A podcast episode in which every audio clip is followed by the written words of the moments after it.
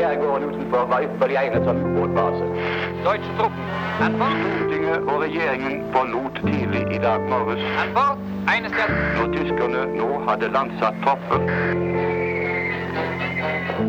Alle ble sett på prøve. Ingen slapp unna. Jeg heter Inga Sletten Koloen, og jeg har skrevet Vi må ikke falle, første bind i serien Under krigen.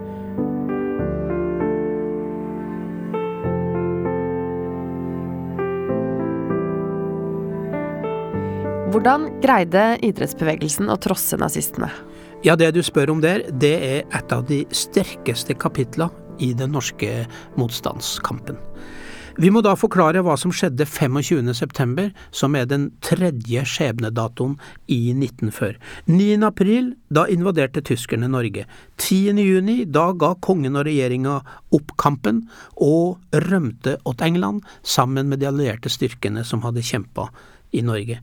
Og deretter inntrådde den store forvirringens tid. Og den varte helt fram til 25. september. Den dagen fylte Hitlers mann i Norge, rikskommissær Josef Terboven, statsrådkontora med folk fra Nasjonal Samling. Og han forbød alle andre partier. Norge var dermed borti en ettpartistat og et diktatur. Og nå starta Quisling sin revolusjon. Og hva gikk den ut på? Quisling og Nasjonal Samling hadde et uhyggelig mål. Hele den norske befolkninga skulle formes til å bli lojale nasjonalsosialister. Og som det eneste lovlige partiet tok nå eh, NS over styringa av kommunene, over fylka og alle offentlige institusjoner på alle nivåer. Og alle som gikk på skole, enten det var i barneskolen eller de var voksne studenter, de skulle òg formes som nasjonalsosialister. Og før 9. april så hadde kanskje 1500 til 2000 nordmenn vært medlemmer i Nasjonal Samling. Og nå styrte dette lille partiet land og folk ved hjelp av sjølsagt tyske eh, politifolk og tyske soldater. Og den minste motstand nå, og du mista i beste fall eh, jobben din, eller du ble kasta i fengsel. Det som skjedde, var sjølsagt at nå meldte mange seg inn i Nasjonal Samling. Nærmere 20 000 i løpet av de høstmånedene fram til eh, jul. En del følte seg nok tvunga for ikke å miste jobben, eksempel. Andre gjorde det fordi de ønska å oppnå fordeler og makt. Men det var også etter 25. september at motstandsfølelsen begynte å vokse i folket. Sinnet mot tyskerne var stort, og overfor Quisling og eh, NS-folk så opparbeida stadig flere nordmenn nærmest et hat.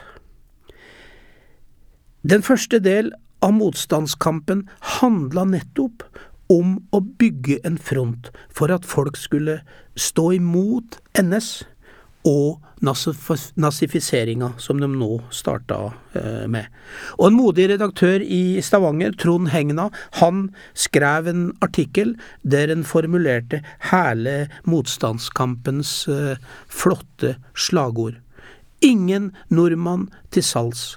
Og prisen eh, Trond Hegna måtte betale, det var jo fem år i norsk og tysk fengsel.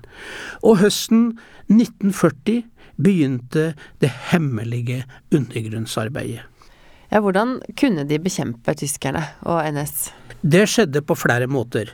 Noen eh, organiserte fluktruter ut av landet. Det ble jo nå veldig eh, påkrevende over eh, Nordsjøen til England, eller over til Sverige.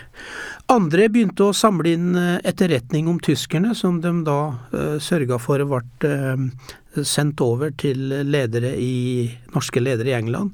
Og flere og flere begynte å lage illegale blad, og, og, og distribuere de her bladene slik at de skulle nå ut til flest mulig. Fordi at tyskerne de kontrollerte jo både eh, NRK og alle aviser sammen med Nasjonal Samling.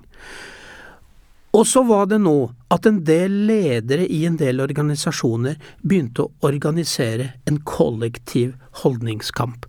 Idretts-Norge gjorde det, og de var imponerende tidlig ute. Allerede i slutten av april så reagerte bladet Sportsmannen på at det ble arrangert fotballkamper mellom tyskere og nordmenn. Er det riktig å leke i et hus som står i brann? spurte bladet.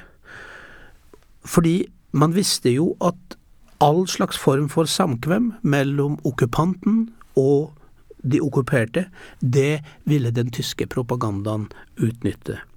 Idretten var landets største folkebevegelse da som nå, og idrettslederne døm pønska nå denne høsten ut en motstandsstrategi som var en ren genistrek.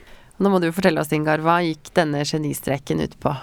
Ja, først må jeg da fortelle at hvis vi beskriver nordmenn som sportsgale nå i dag, eh, så kan du gange, det, gange det i hvert fall med fem i 1940. Fotball, ski, skøyter, friidrett, boksing, bryting, turn osv.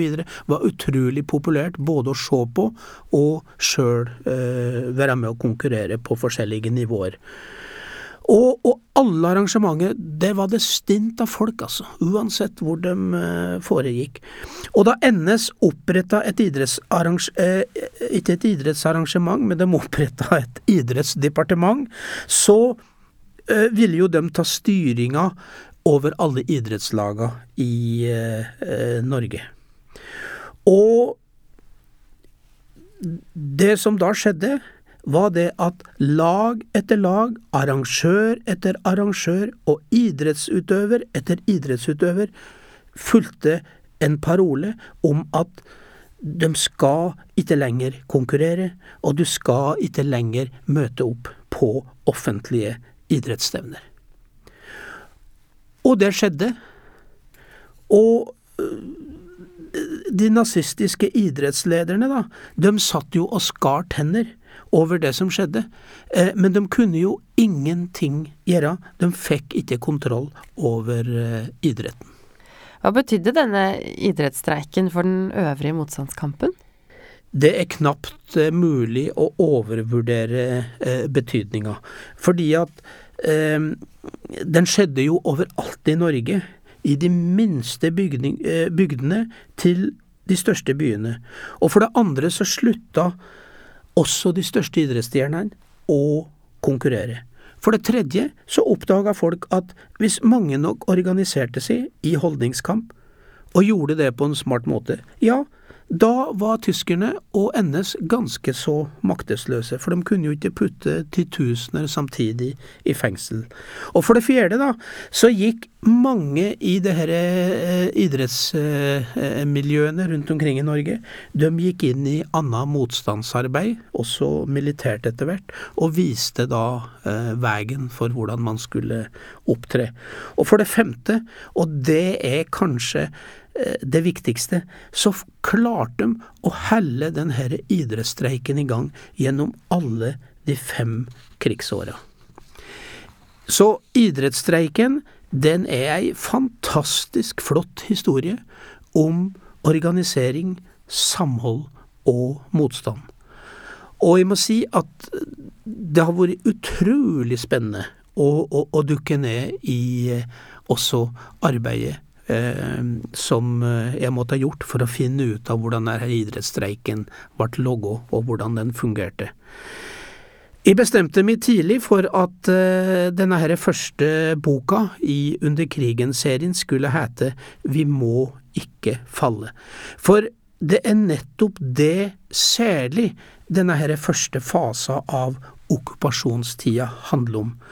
Alle ble stilt på prøve, ingen slapp unna, alle havna i situasjoner der de måtte foreta valg, eller ofte de fikk ikke valg, og uansett så kunne de bli utrolig skjebnesvangre.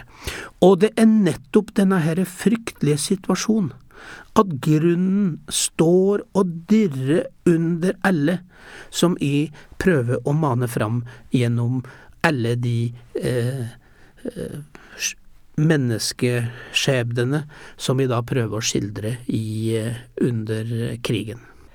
Og alle du skildrer har levd. Dette er virkelige mennesker som du har funnet fram historiene til?